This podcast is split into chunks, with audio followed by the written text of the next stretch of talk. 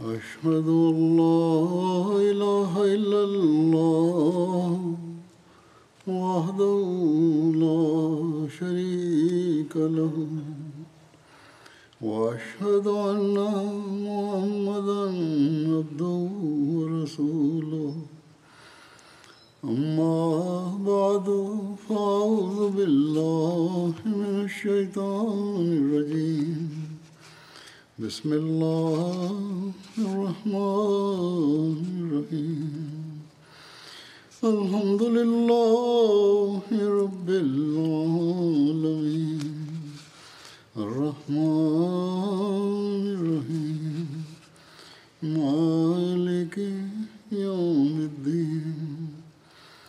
إياك نعبد وإياك نستعين. اهدنا الصراط المستقيم صراط الذين أنعمت عليهم غير المغضوب عليهم ولا الضالين Allah bahwa siapapun yang datang ke dunia ini setelah melewati waktu sekian lama pada akhirnya akan meninggal dunia. Namun yang paling beruntung adalah mereka yang meninggalkan kenangan yang baik yang terbukti bermanfaat bagi orang lain yang menunjukkan melalui tindakan mereka bahwa mereka mendahulukan agama di atas dunia, berusaha untuk bertindak berdasarkan perintah Allah dan Rasul-Nya Shallallahu Alaihi Wasallam, yang berusaha untuk memenuhi tujuan bayat mereka kepada Hazrat Masih Maud alaihissalam. Mereka yang benar-benar setia kepada khilafat Ahmadiyah, yang berusaha semaksimal mungkin untuk memenuhi hak-hak kemanusiaan yang selalu berusaha mencapai keridoan Allah Ta'ala dan yang mengenainya hanya keluar kata-kata pujian dari mulut setiap orang. Dengan demikian, sesuai dengan sabda Rasulullah Shallallahu Alaihi Wasallam, orang-orang yang seperti itu ditakdirkan masuk ke dalam surga.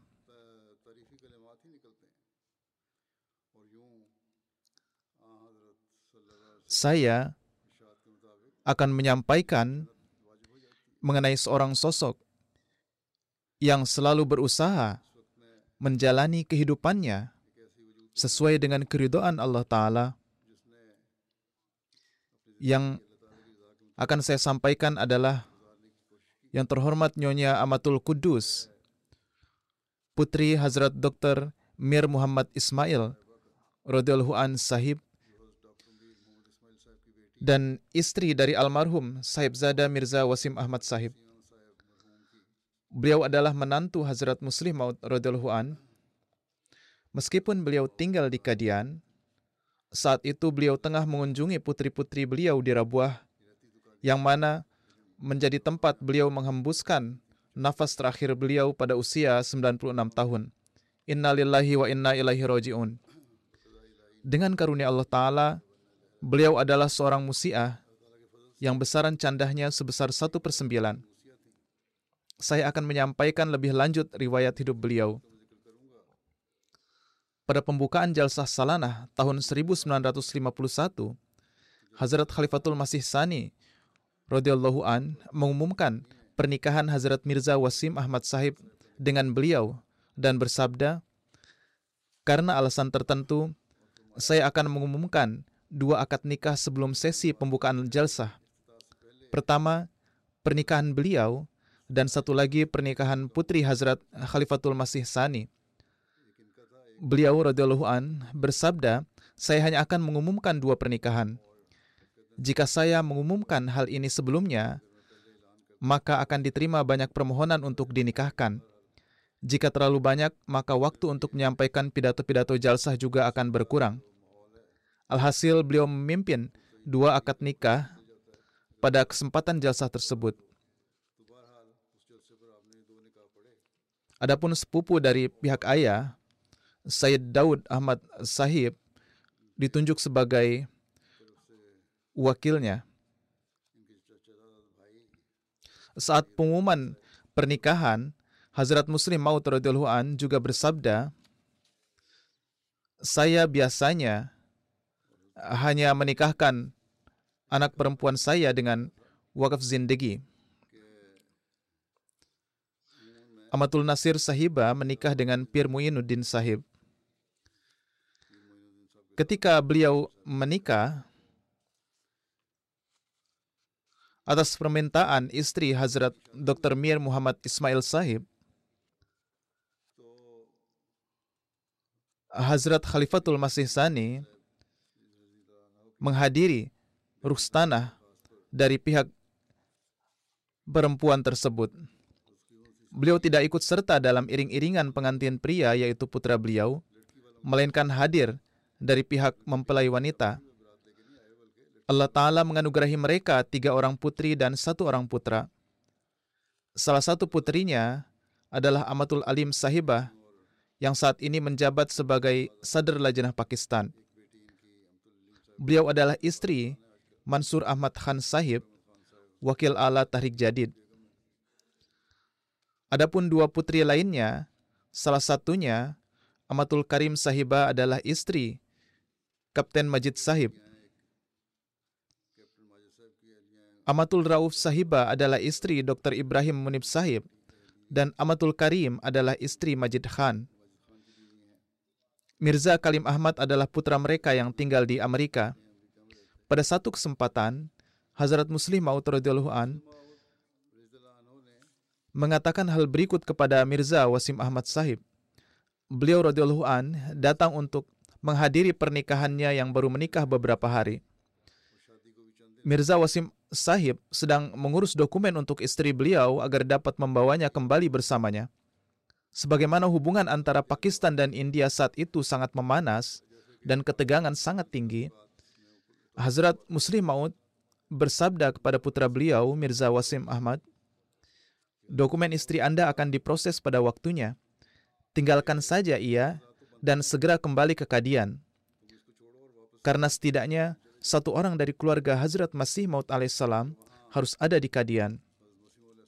Segera pesan tiket pesawat.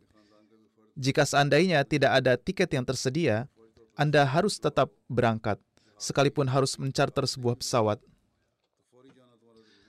Hazrat Muslim Maud bersabda, Alasannya adalah jika Anda tidak berada di kadian dan tidak mampu memberikan teladan bagi orang lain dalam hal berkorban, lantas bagaimana orang-orang akan berkorban?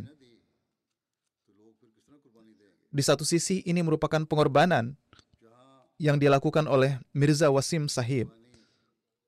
Namun begitu juga ini merupakan pengorbanan yang dilakukan oleh Saib Zadi Amatul Kudus Sahibah. Tidak ada kepastian kapan dokumen-dokumen itu akan selesai keadaannya sulit dan bisa menjadi lebih buruk. Namun itu merupakan perintah khalifah. Untuk itu dengan segenap ketulusan, beliau mengucapkan selamat tinggal kepada sang suami dan mendahulukan agama di atas dunia. Hazrat Muslim Maud an berada di bandara di Lahore untuk mengucapkan selamat tinggal kepada Mirza Wasim Ahmad Sahib. Hazrat Hasmatullah Sahib mengatakan, Hazrat Khalifatul Masih Sani radhiyallahu an tetap berdiri di bandara, terus-menerus melihat ke arah pesawat dan terus berdoa sampai pesawat itu berangkat hingga tidak terlihat lagi. Kemudian, ketika dokumen-dokumen istri beliau sudah lengkap, almarhumah menuturkan, satu tahun setelah pernikahan, ketika saya hendak berangkat ke Kadian, Hazrat Muslim Maud secara khusus menasihatkan saya untuk tinggal di rumah Ummi Nasir yang sering dikunjungi oleh Hazrat Masih Maud alaihissalatu wassalam dan beliau alaihissalatu wassalam juga pernah menyampaikan daras di halamannya. Setelah pindah ke Kadian, Sahib Zadi Amatul Kudus Sahiba memainkan peran penting dalam mengumpulkan, mengorganisir, dan membantu para lajnah, termasuk istri dan anak-anak para darwish. Alhasil, para wanita di sana merasa nyaman saya telah menerima surat yang tak terhitung jumlahnya dari para istri dan putri para darwish di sana. Setelah tiba di London, Hazrat Khalifatul Masih Rabi rahimahullah menyampaikan khutbah pertama pada tanggal 4 Mei 1984. Di sana beliau menyeru para Ahmadi di dunia dengan mengutip sabda-sabda Hazrat Masih Maud alaihissalam, Man ansari ilallah, dan mengumumkan program berskala luas untuk penyebaran Islam. Beliau rahimahullah juga menyatakan bahwa diperlukan kompleks yang besar untuk tujuan tersebut. Ada kebutuhan untuk membangun dua pusat baru di Eropa, satu di Inggris dan satu lagi di Jerman. Untuk tujuan ini, Allah Ta'ala akan memberikan dana dengan karunia-Nya dan Dia akan menggerakkan orang-orang untuk mengambil bagian dalam program ini. Para lajnah kadian sekali lagi menyikapi hal ini dengan penuh semangat dan kesetiaan. Sahib Zadi Amatul Kudus Sahiba saat itu menjabat sebagai sadar lajnah India. Dalam laporannya, beliau menyebutkan bahwa dengan karunia Allah Ta'ala, lajnah Ima'illah dari India menyambut seruan huzur, rahimahullah dan dengan sepenuh hati berpartisipasi dengan mempersembahkan perhiasan dan uang yang mereka miliki. Beliau sendiri juga memberikan semua perhiasannya. Di antara lajnah India perjanjian pertama yang dikirimkan kepada Hazrat Khalifatul Masih Rabi rahimahullah adalah dari Lajnah Kadian. Kemudian dalam khutbah Jumat tanggal 10 Agustus 1984, Hazrat Khalifatul Masih Rabi rahimahullah menyebutkan tentang Lajnah Kadian dengan bersabda, "Saya telah menerima laporan yang saya nantikan nantikan tentang Lajnah Kadian karena ketika gerakan Tarik Jadid dimulai, Para lajnah kadianlah yang mendapat kehormatan untuk melakukan pengorbanan yang luar biasa. Saat ini, hanya tinggal sedikit wanita yang ada di sana. Namun berapapun jumlahnya, saya masih menunggu kabar terkait mereka. Karena merupakan hak mereka untuk tetap menjadi garda terdepan dalam pengorbanan. Dan sebagaimana mereka telah mengharumkan nama kadian pada saat itu, sekarang juga akan ditinggikan. Jadi Alhamdulillah saya sudah mendapat laporan dari sana juga Sadar Lajnah dari India memberitahu saya bahwa beliau mengirimkan perjanjian Lajnah dan Nasirat Kadian untuk pusat baru kepada saya pada tanggal 16 Juli. Beliau menulis bahwa khutbah huzur telah menanamkan kerinduan yang besar dalam diri para wanita dan dengan karunia Allah Ta'ala, mereka telah mempersembahkan apa pun yang mereka miliki. Namun kerinduan ini pun tak kunjung padam. Mereka begitu bersemangat sehingga jika mereka memiliki sesuatu lagi, mereka akan mempersembahkannya di jalan Allah. Ini adalah surat yang dikirimkan oleh Saib Zadi Amatul Kudus Saibah kepada Hazrat Khalifatul Masih Rahib Rabi rahimahullah. Pada tahun 1991, Hazrat Khalifatul Masih Rabi rahimahullah melakukan perjalanan ke Kadian, India. Beliau bersabda, saya tidak dapat mengatakan hal ini mengenai semua lajnah India, namun dengan karunia Allah, saya dapat mengatakan sehubungan dengan lajnah kadian bahwa mereka menunjukkan teladan pengorbanan harta yang tak tertandingi. Jemaat kadian sangat miskin, namun saya selalu menyaksikan ketika ada gerakan yang dicanangkan, para wanita dan anak perempuan di sini tampil ke muka dengan semangat yang besar. Kadang-kadang hati saya ingin menghentikan mereka dengan berkata, "Cukup, Anda sekalian tidak mempunyai sarana untuk melakukan hal tersebut." Sebenarnya, selain rasa gembira, saya juga mengkhawatirkan mereka. Namun kemudian saya berpikir bahwa zat yang deminya mereka melakukan pengorbanan ini, zat tersebut adalah maha tahu bagaimana memberikan pahala yang melimpah kepada mereka. Allah yang sama yang dengan karunia-Nya akan menganugerahkan limpahan kepada mereka kelak, baik dalam hal keimanan maupun rezeki duniawi. Kemudian beliau rahimahullah menyatakan, pada suatu kesempatan, ketika saya mencanakan pengorbanan harta untuk pembangunan pusat-pusat tersebut, gadis-gadis Ahmadi memecahkan kotak celengan mereka, lalu mempersembahkan beberapa uang koin yang mereka simpan demi untuk agama mereka.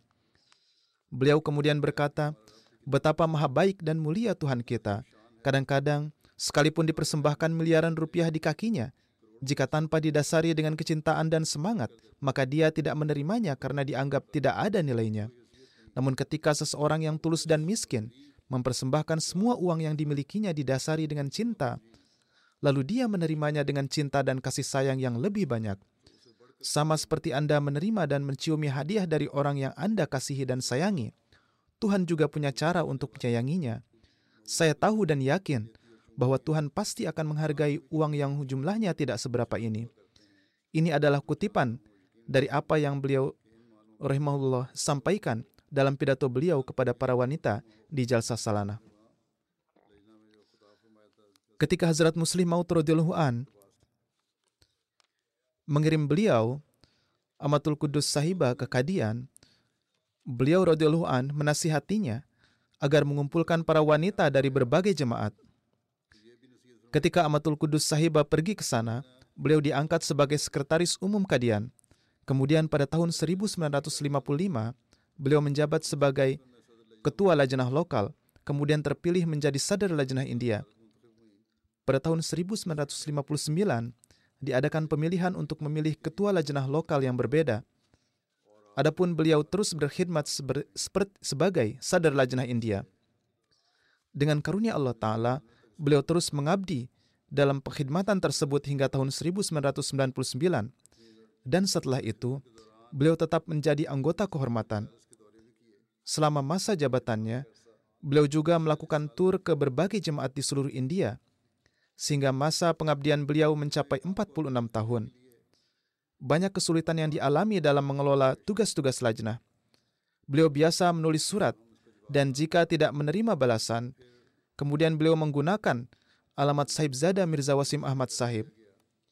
Melalui upaya tersebut, secara bertahap, beliau menyatukan jemaat-jemaat di sana. Ada banyak bahasa lokal yang berbeda di India.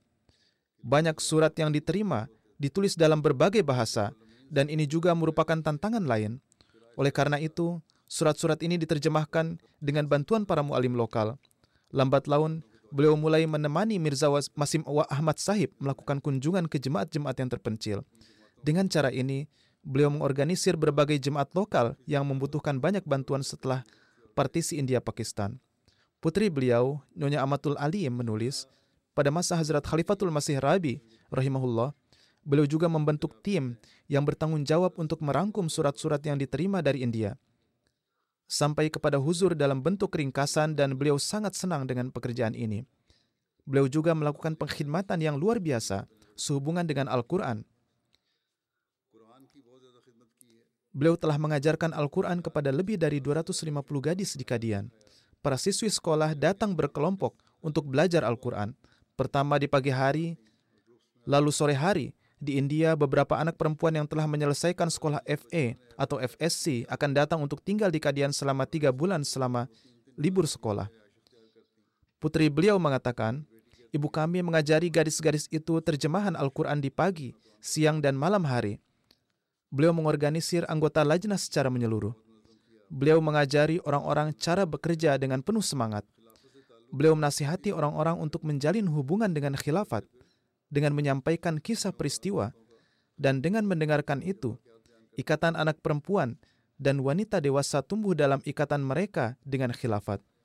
Mengkhidmati tamu adalah salah satu sifat beliau yang menonjol. Putri beliau lebih lanjut berkata, Ibu selalu mendukung ayah kami.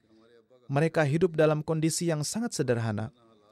Pada sore hari, mereka hanya makan kacang lentil, dan ayah kami memelihara seekor sapi untuk diambil susunya. Kapan pun ada tamu yang datang, beliau akan menyajikan apa pun yang telah dimasak tanpa ragu-ragu. Beliau juga biasa menyajikan minuman atau cair kepada para tamu sesuai musim. Setelah itu, ketika kondisi ekonomi kami membaik, beliau memberikan makanan yang sesuai kepada para tamu.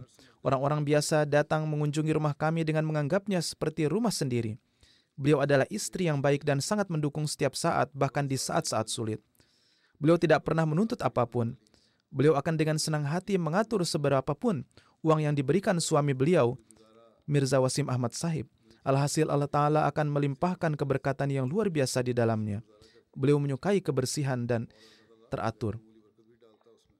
Putri beliau menuturkan, ketika Mirza Wasim Ahmad Sahib meninggal dunia, ibu saya bermimpi bahwa beliau sedang melakukan perjalanan terakhirnya, seolah-olah beliau juga bersiap untuk berangkat.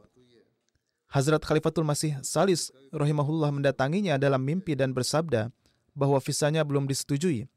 Oleh karena itu dengan karunia Allah, beliau tetap hidup lama bahkan setelah mimpi itu. Pada tahun 2007, Tuan Mirza Wasim Ahmad Saib jatuh sakit. Namun tak lama kemudian Allah Ta'ala memulihkan kesehatan beliau. Setelah sembuh, beliau berencana mengunjungi jemaat lokal di Hyderabad dan membawa serta istri beliau. Pada kunjungan itulah, Nyonya Amatul Kudus Sahiba melihat mimpi tersebut dan menjadi takut bahwa ini mungkin adalah saat-saat terakhir Tuan Mirza Wasim Ahmad Sahib. Meskipun demikian, pada saat itu suami beliau tampak sehat dan baik-baik saja. Namun beliau bersikeras agar mereka kembali ke Kadian. Sekembalinya ke Kadian, suami beliau jatuh sakit sekali lagi, dan dalam masa sakit itulah beliau meninggal dunia. Di tahun-tahun terakhir beliau, beliau kehilangan penglihatan.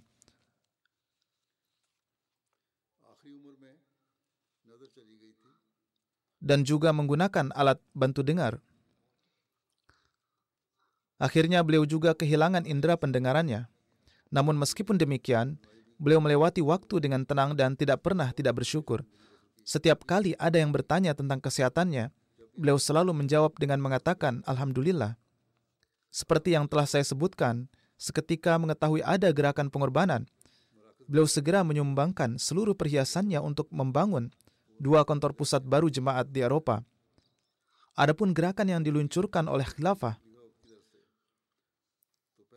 kontributor pertama dari kadian selalu Hazrat Mirza, Wasim Ahmad Sahib dan istri beliau. Putri beliau berkata, jika kami melakukan kesalahan saat membaca Al-Quran, meskipun ibu kami berada di ruangan yang berbeda, beliau selalu mengoreksi bacaan kami dari mana pun beliau berada. Seolah-olah beliau telah menghafalkan Al-Quran meskipun tidak. Disebabkan oleh keteraturan dalam pembacaan Al-Quran, sehingga beliau mampu mengingatnya. Ketika Hazrat Mirza Wasim Ahmad Saib akan melakukan itikaf, beliau biasa mengirimkan makanan untuk sang suami dan juga untuk peserta itikaf lainnya yang miskin. Setelah itu, beliau juga biasa mengirimkan makanan kepada para siswa yang tinggal di asrama sekolah di sana serta para muallimin setempat. Beliau begitu perhatian terhadap orang lain, bahkan tidak memperdulikan apakah beliau sendiri sedang sakit, demam atau dalam kondisi lainnya. Beliau selalu memastikan untuk berusaha menghadirinya saat-saat bahagia atau sedih. Di Kadian terdapat orang-orang dalam berbagai kalangan. Beliau mengajari para gadis cara menjahit dan mempersiapkan pengantin di hari pernikahan mereka. Beliau menciptakan satu tradisi yang baik yakni hidup berbaur dengan semua orang. Pada tahun 2005, Lajnah di Rabuah membangun Sarai Masrur. Itu adalah sebuah bangunan besar. Untuk inisiatif ini, alih-alih menyumbang atas nama sendiri, beliau menyumbang 100 ribu rupiah atas nama suami beliau. Putri beliau lebih lanjut berkata, setelah terjadi partisi India-Pakistan, saat tinggal di Ratanbag, Lahore, maupun saat di rumah di Rabuah, beliau selalu memperdengarkan Al-Quran kepada Hazrat Ammajan radhiyallahu anha. Hazrat Ammajan radhiyallahu anha juga mendengarkan malfuzat sabda Hazrat Masih Maud alaihissalatu wassalam dari seseorang dan beliau mempunyai kesempatan untuk membacakannya juga. Putri bungsu beliau, Nyonya Amatul Rauf berkata, Tuan Syahji, Itardin Sahib dan Hafiz Sahib pernah tinggal di Baitur Riyazat, ruangan tinta merah dan di kamar besar Hazrat Amajan, yaitu tiga orang ini. Setelah itu, Bahai Abdul Rahim Sahib juga tinggal di sana. Apa pun yang dimasak di rumah akan dikirimkan kepada mereka.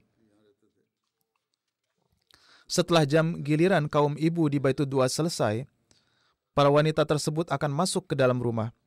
Rumah selalu terbuka dan tidak ada batasan untuk berkunjung. Tidak ada bel pintu juga, dan wanita bisa dengan mudah masuk. Beliau lebih lanjut menuturkan, ketika Mirza Wasim Ahmad Sahib meninggal dunia dan Inam Gori Sahib ditunjuk sebagai Nazir Allah, ibunda kami menunjukkan ketaatan penuh dan menyampaikan permohonan segala sesuatunya sesuai dengan cara yang benar. Beliau melunasi canda wasiatnya dan membayar hissa jaidatnya ketika masih hidup. Beliau juga termasuk dalam daftar awal gerakan tarik jadid. Beliau menasihati anak-anak beliau untuk sholat pada waktunya karena hal pertama yang dihisap pada hari kiamat adalah solat. Beliau biasa, beliau biasa menasihati bahwa jika solatnya lulus, maka semua hal lainnya akan mengikuti. Beliau lebih lanjut berkata, ibu biasa mengurusi banyak gadis di rumah beliau. Beliau tidak hanya memberi mereka pendidikan yang sangat baik, bahkan mengajari mereka cara membaca Al-Quran, terjemahannya, dan kemudian mengatur pernikahan mereka. Ada seorang pria yang bayat dari Bihar, Ranchi, bersama putrinya. Pria itu sudah sangat tua, dia membawa putrinya kepada ibu saya dan berkata, "Saya tidak tahu berapa lama saya akan hidup. Setelah kematian saya, saudara dari anak perempuan ini akan membunuhnya. Jadi saya meminta Anda untuk berkenan merawatnya." Saat itu perempuan itu berusia sekitar 25 tahun. Pada usia itu, ibu saya mengajari cara membaca Al-Quran dan terjemahannya. Meskipun perempuan tersebut tidak menguasai bahasa dan tidak berpendidikan, ibu juga mengaturkan pernikahannya pada masa-masa awal, ibu saya hanya mempunyai sedikit uang. Ketika putri seorang darwis akan menikah, ibu saya meminjamkan perhiasan miliknya dan memberitahu pengantin wanita bahwa mereka boleh menggunakannya selama yang dia inginkan, kemudian mengembalikannya setelah itu. Kemudian perhiasan tersebut diberikan kepada putri darwis berikutnya yang akan dinikahkan. Dengan cara ini, banyak gadis yang mendapatkan manfaat dari perhiasan beliau. Karena pada masa-masa awal kesulitan, keadaan, keadaan para darwis tidak begitu baik. Namun kemudian ketika anak-anak mereka pergi ke luar negeri dan mulai mendapatkan penghasilan, keadaan mereka pun membaik.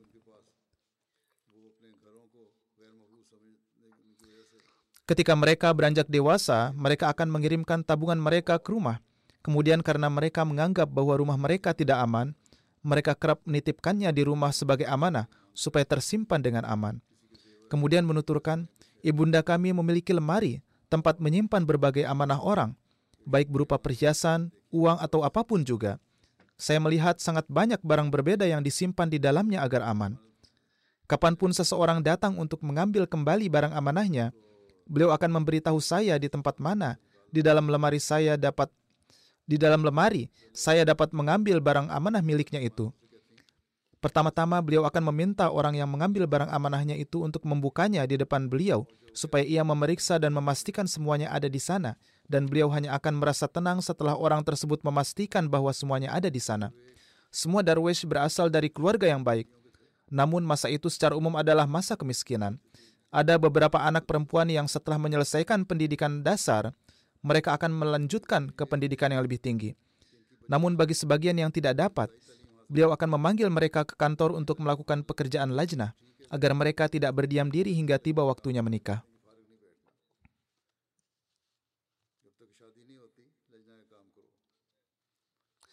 Karena beliau memiliki bangunan, karena beliau belum memiliki bangunan kantor, beliau membuat kantor yang kecil di rumah beliau, yang juga menjadi tempat mereka untuk mengerjakan tugas sekolah.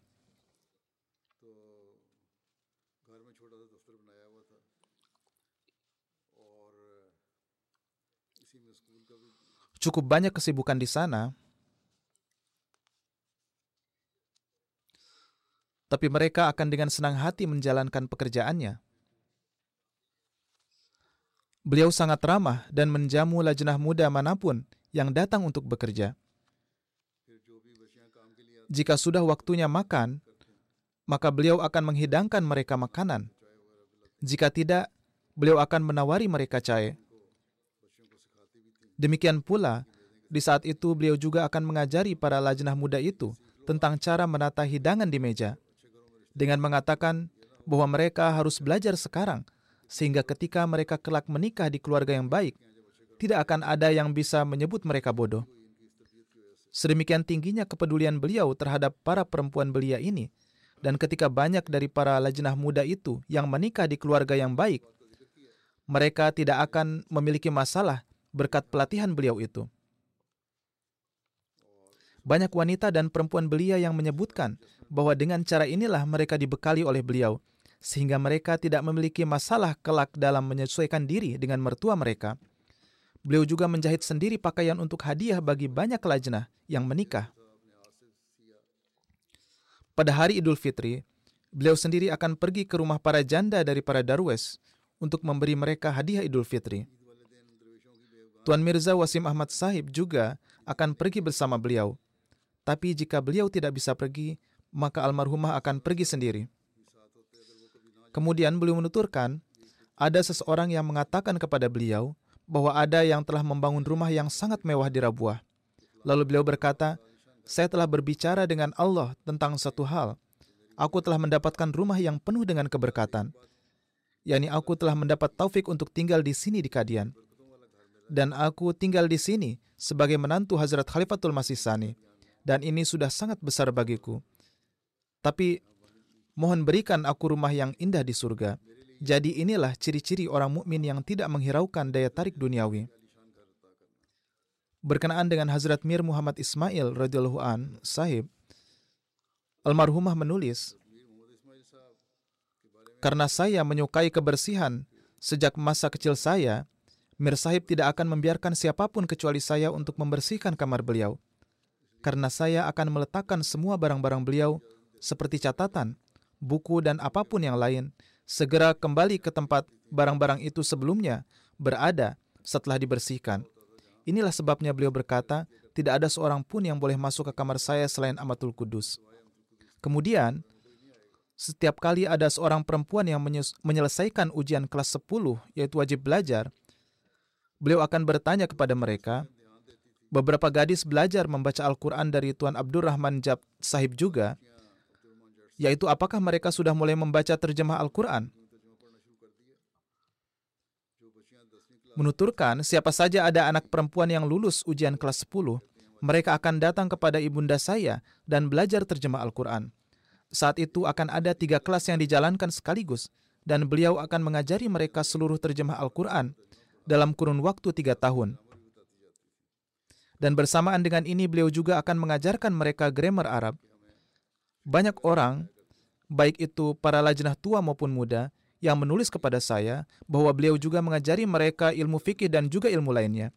Beliau memiliki hasrat untuk mengajarkan seluruh Al-Quran dan memastikan bahwa tidak ada anak perempuan yang setelah lulus sekolah mereka tidak mempelajari semuanya. Beliau juga rutin menunaikan sholat tahajud. Dalam penyakit terakhir beliau, bahkan ketika beliau jatuh sakit parah, beliau masih gelisah supaya bangun pada waktunya untuk menunaikan tahajud. Selama beliau mampu, beliau tetap berpuasa, khususnya di bulan Ramadan, Beliau pergi ke masjid untuk sholat tarawih. Selebihnya beliau sholat di rumah. Namun selama bulan Ramadan khususnya, beliau pergi ke masjid untuk sholat.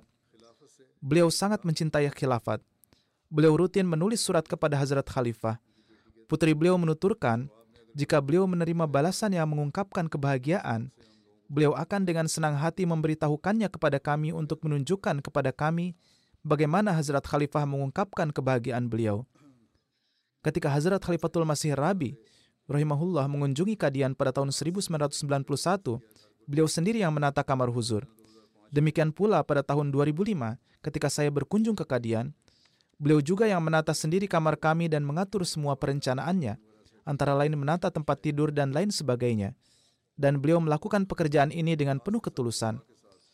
Kemudian, meskipun saya mengatakan bahwa kami akan mengurus sendiri konsumsi untuk kami, namun beliau bersikeras dan memohon agar beliau dapat memasak satu kali makan setiap hari untuk kami. Dan beliau benar-benar mengirimkannya dan beliau menyiapkan hidangan dengan segenap perhatian. Menuturkan, setelah ayahanda saya meninggal, suatu saat ibunda saya sholat seraya menangis. Suatu saat ibunda saya sholat seraya menangis, dan beliau mengulangi kata-kata yang sama yang diucapkan oleh Hazrat Ammajan setelah kewafatan Hazrat Masih Maud alaihissalam, yaitu, Wahai Tuhan, beliau kini telah meninggalkan kami. Janganlah engkau tinggalkan kami.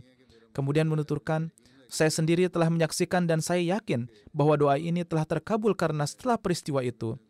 Mengingat putri-putri beliau telah menikah di Pakistan, beliau menerima banyak visa dan beliau bisa pulang pergi ke Pakistan sehingga beliau tidak merasa kesepian. Putra beliau menuturkan, saat itu sebagian besar tamu datang dan menginap di Darul Masih dan ibunda kami kerap mengajarkan para anak perempuan berusia 11 atau 12 tahun cara mengantarkan air panas ke kamar dan cara memenuhi kebutuhan para tamu. Demikian pula, saat Tuan Mia Wasim Ahmad Sahib banyak memiliki hubungan dengan para pejabat pemerintah, beliau juga akan memperkenalkan jemaat kepada istri-istri mereka dan kemudian beliau tetap menjaga hubungan dengan mereka setelahnya.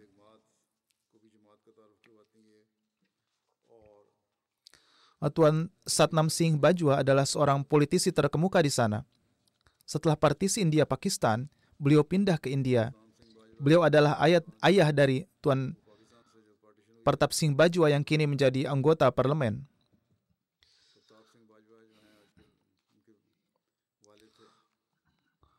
Putra beliau menuturkan, istri beliau juga sering mengunjungi rumah kami dan bahkan menitipkan barang-barangnya sebagai amanah kepada ibunda kami.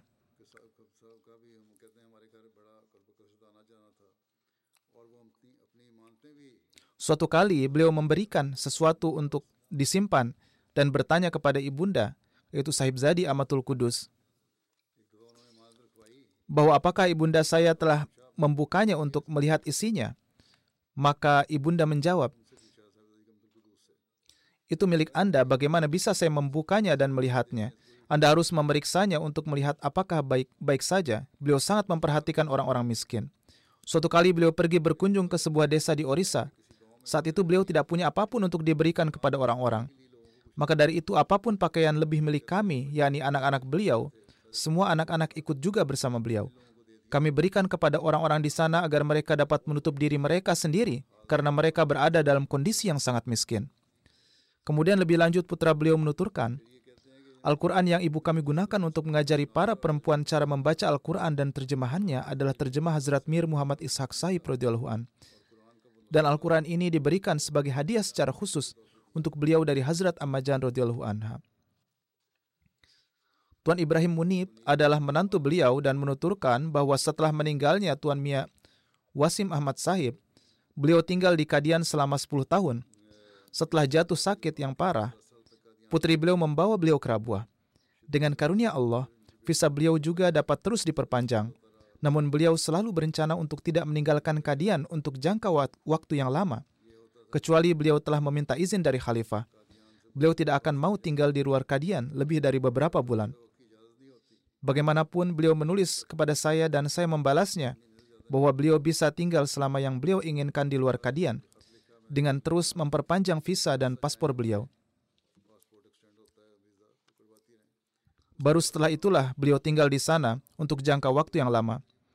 Hazrat Muslim Maud an berpesan kepada beliau ketika hendak berangkat ke Kadian agar tidak pergi ke pasar di Kadian milik umat Hindu karena mereka telah melontarkan kata-kata makian kepada Hazrat Masih Maud alaihissalam. Beliau menunjukkan rasa hormat yang besar terhadap petunjuk Hazrat Muslim Maud an dan terus mengamalkannya meskipun setelah keadaan membaik dan masyarakat setempat mulai bersikap sopan dan banyak Ahmadi yang menghadiri jalsa juga pergi ke sana. Begitu juga para keluarga Hazrat Masih Maud alaihissalam. Kendati demikian, beliau tidak pergi ke pasar itu di Kadian selama 70 tahun. Beliau akan pergi ke Amritsar untuk berbelanja. Tuan Ibrahim Munib Sahib menuturkan, ketika penduduk Kadian menentang keras jemaat Ahmadiyah, rincian mengenai kejadian ini tidak lengkap,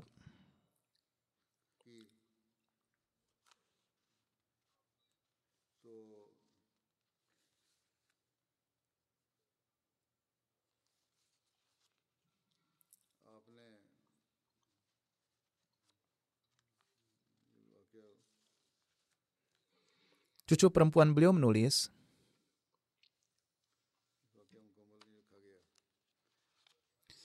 Anak-anak Kadian memanggil beliau Nani Umi atau nenek karena beliau menunjukkan cinta dan kasih sayang yang besar kepada semua orang, seperti yang dilakukan seorang nenek.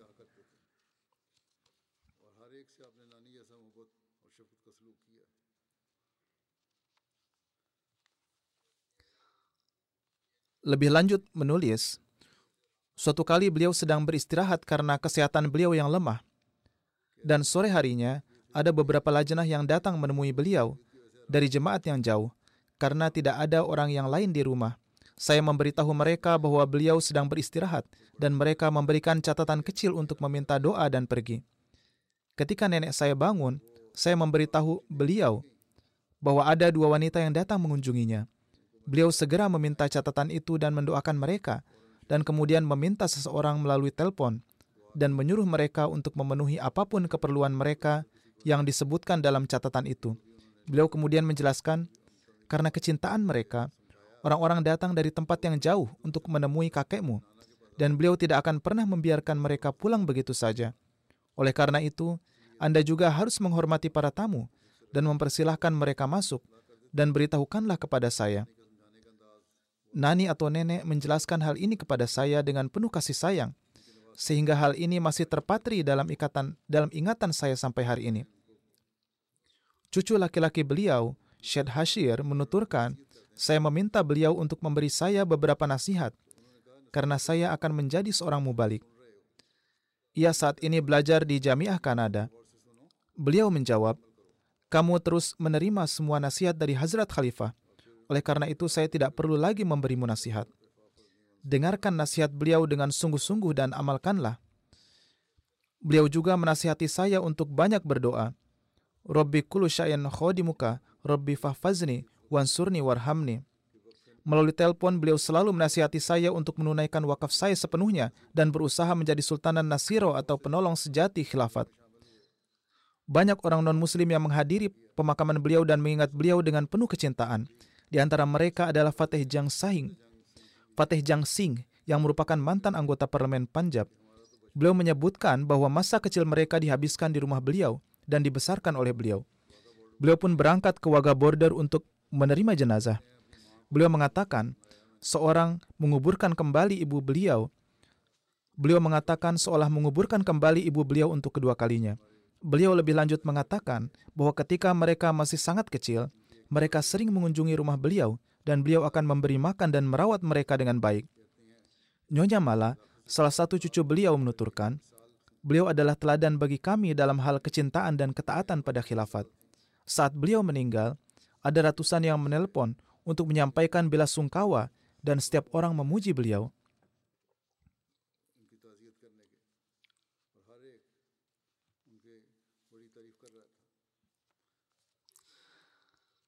Ia juga sempat tinggal dalam beberapa waktu di Kadian dan berkata, "Saya memperhatikan bahwa penduduk Kadian sangat mencintai beliau dan beliau juga sangat mencintai mereka.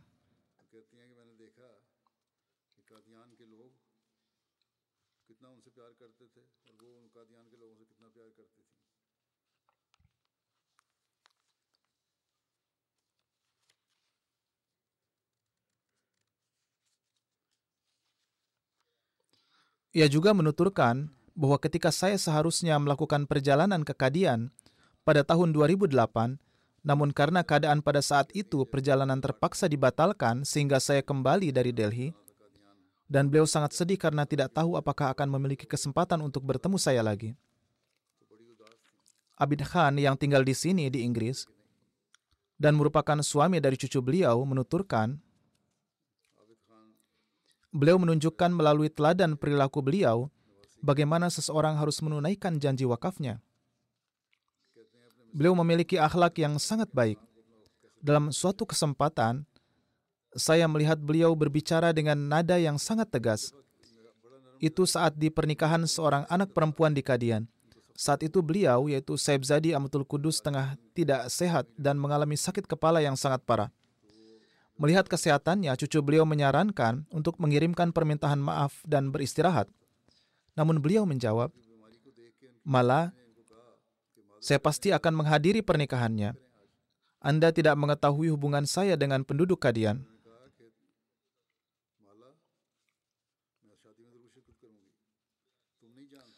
Demikian pula Nyonya Akila Ifat Sahiba, istri Tuan Dr. Bashir Ahmad Nasir, Darwes Kadian menuturkan, melalui Badan Nasirat dan Lajna, beliau selalu membimbing para istri dan putri Darwes Kadian. Beliau sangat terampil dalam menjalankan tata kelola organisasi.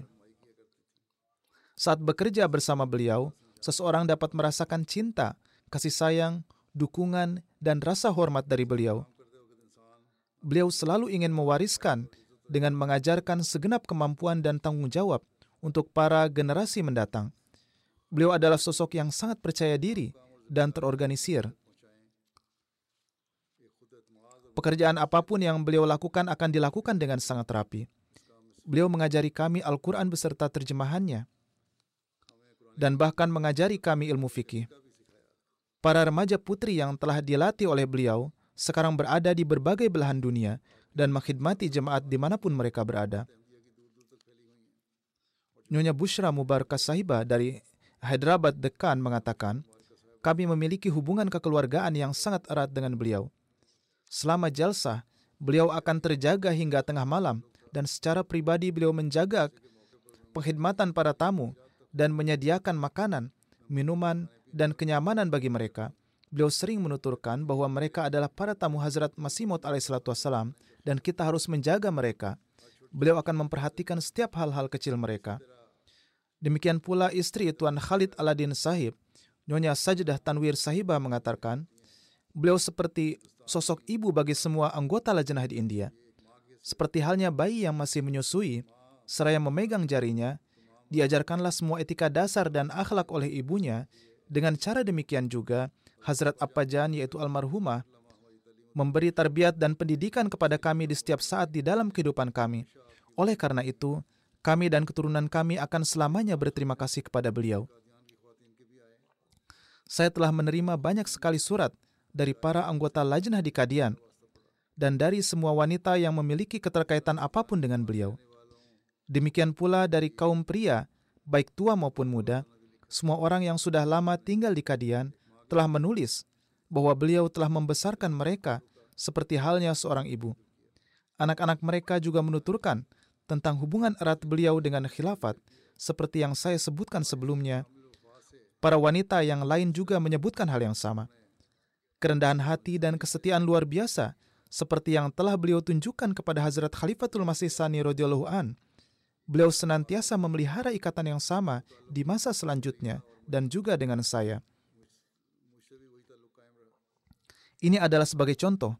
Ketika almarhumah bertemu saya di sini juga, beliau menemui saya dengan penuh adab dan sikap hormat. Ketika saya berkunjung ke Kadian pada tahun 2005, beliau menunjukkan kepedulian yang besar dalam hal mengkhidmati tamu. Dalam setiap perjumpaan, kegembiraan terpancar dari wajah beliau. Pada tahun 2005, meskipun kesehatan beliau memburuk ketika saya berangkat, beliau sempat mengantar hingga ke Delhi dari Kadian.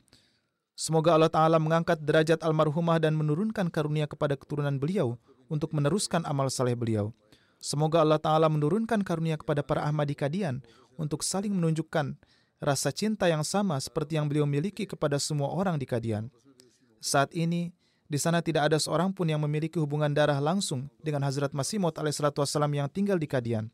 Semoga Allah Ta'ala menciptakan keadaan sedemikian rupa sehingga ada seseorang dari keluarga Hazrat Masih Maud alaihissalam yang dapat tinggal di sana. Semoga Allah Ta'ala meninggikan derajat almarhumah. Ada jenazah hadir juga. Apakah sudah tiba? Beliau adalah almarhum Muhammad Arshad Ahmadi Sahib dari Inggris. Beliau meninggal beberapa hari ini di usia 71 tahun. Innalillahi wa inna ilahi roji'un. Beliau adalah putra Tuan Yusuf Ahmadi Sahib dari Nairobi yang bayat pada Hazrat Masih Maud. Beliau adalah putra atau cucunya.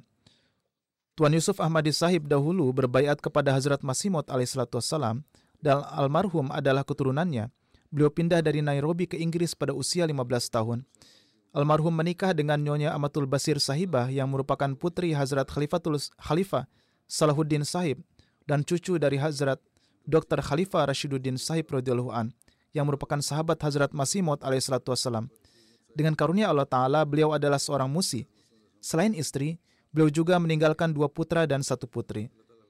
Almarhum memiliki hubungan erat dengan jemaat. Di mana pun beliau tinggal, beliau mengkhidmati jemaat dengan berbagai cara. Di Hudamul Ahmadiyah, beliau berkhidmat sebagai muhtamim.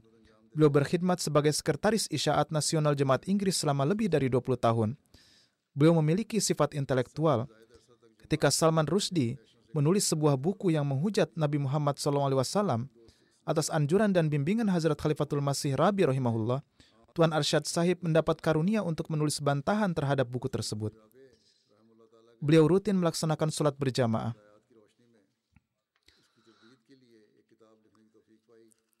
Sejak kami pindah ke sini, beliau membeli rumah di dekat Islamabad dengan tujuan agar bisa sholat di sini.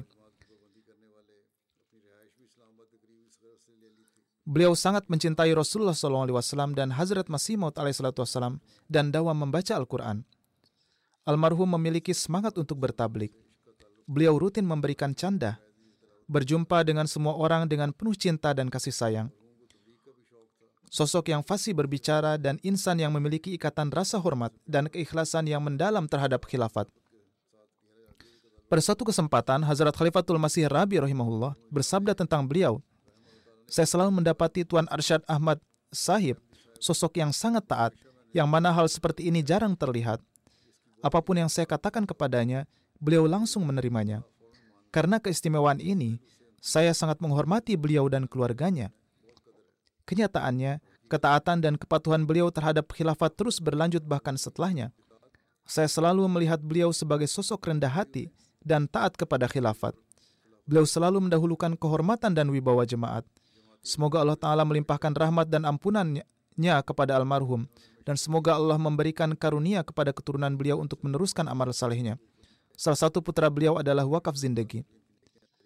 Ada satu lagi jenazah gaib yaitu Ahmad Jamal Sahib, seorang Afrika Amerika, tinggal di Amerika Serikat dan beberapa hari yang lalu meninggal dunia pada usia 92 tahun. Innalillahi wa inna ilaihi roji'un.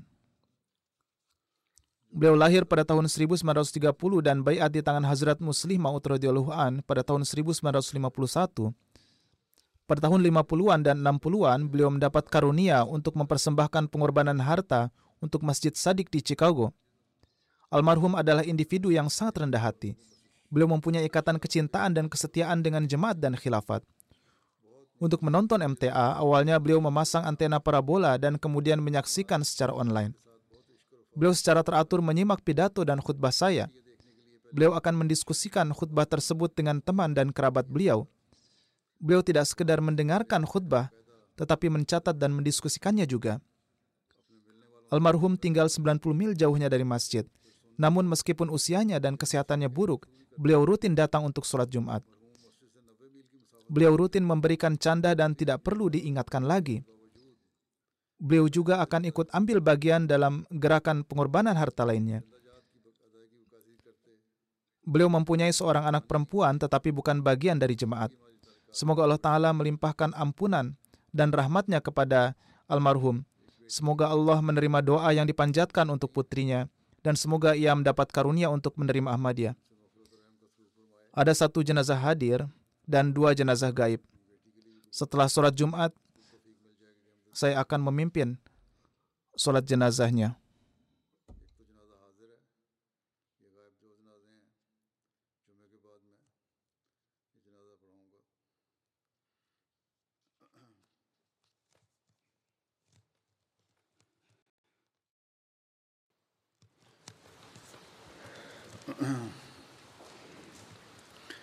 الحمد لله الحمد لله نحمده ونستعينه ونستغفره ونؤمن به ونتوكل عليه ونعوذ بالله من شرور انفسنا ومن سيئات اعمالنا من يهده الله فلا مضل له ومن يضلل فلا هادي له ونشهد ان لا اله الا الله ونشهد ان محمدا عبده ورسوله عباد الله رحمكم الله إن الله يأمر بالعدل واللسان وإيتاء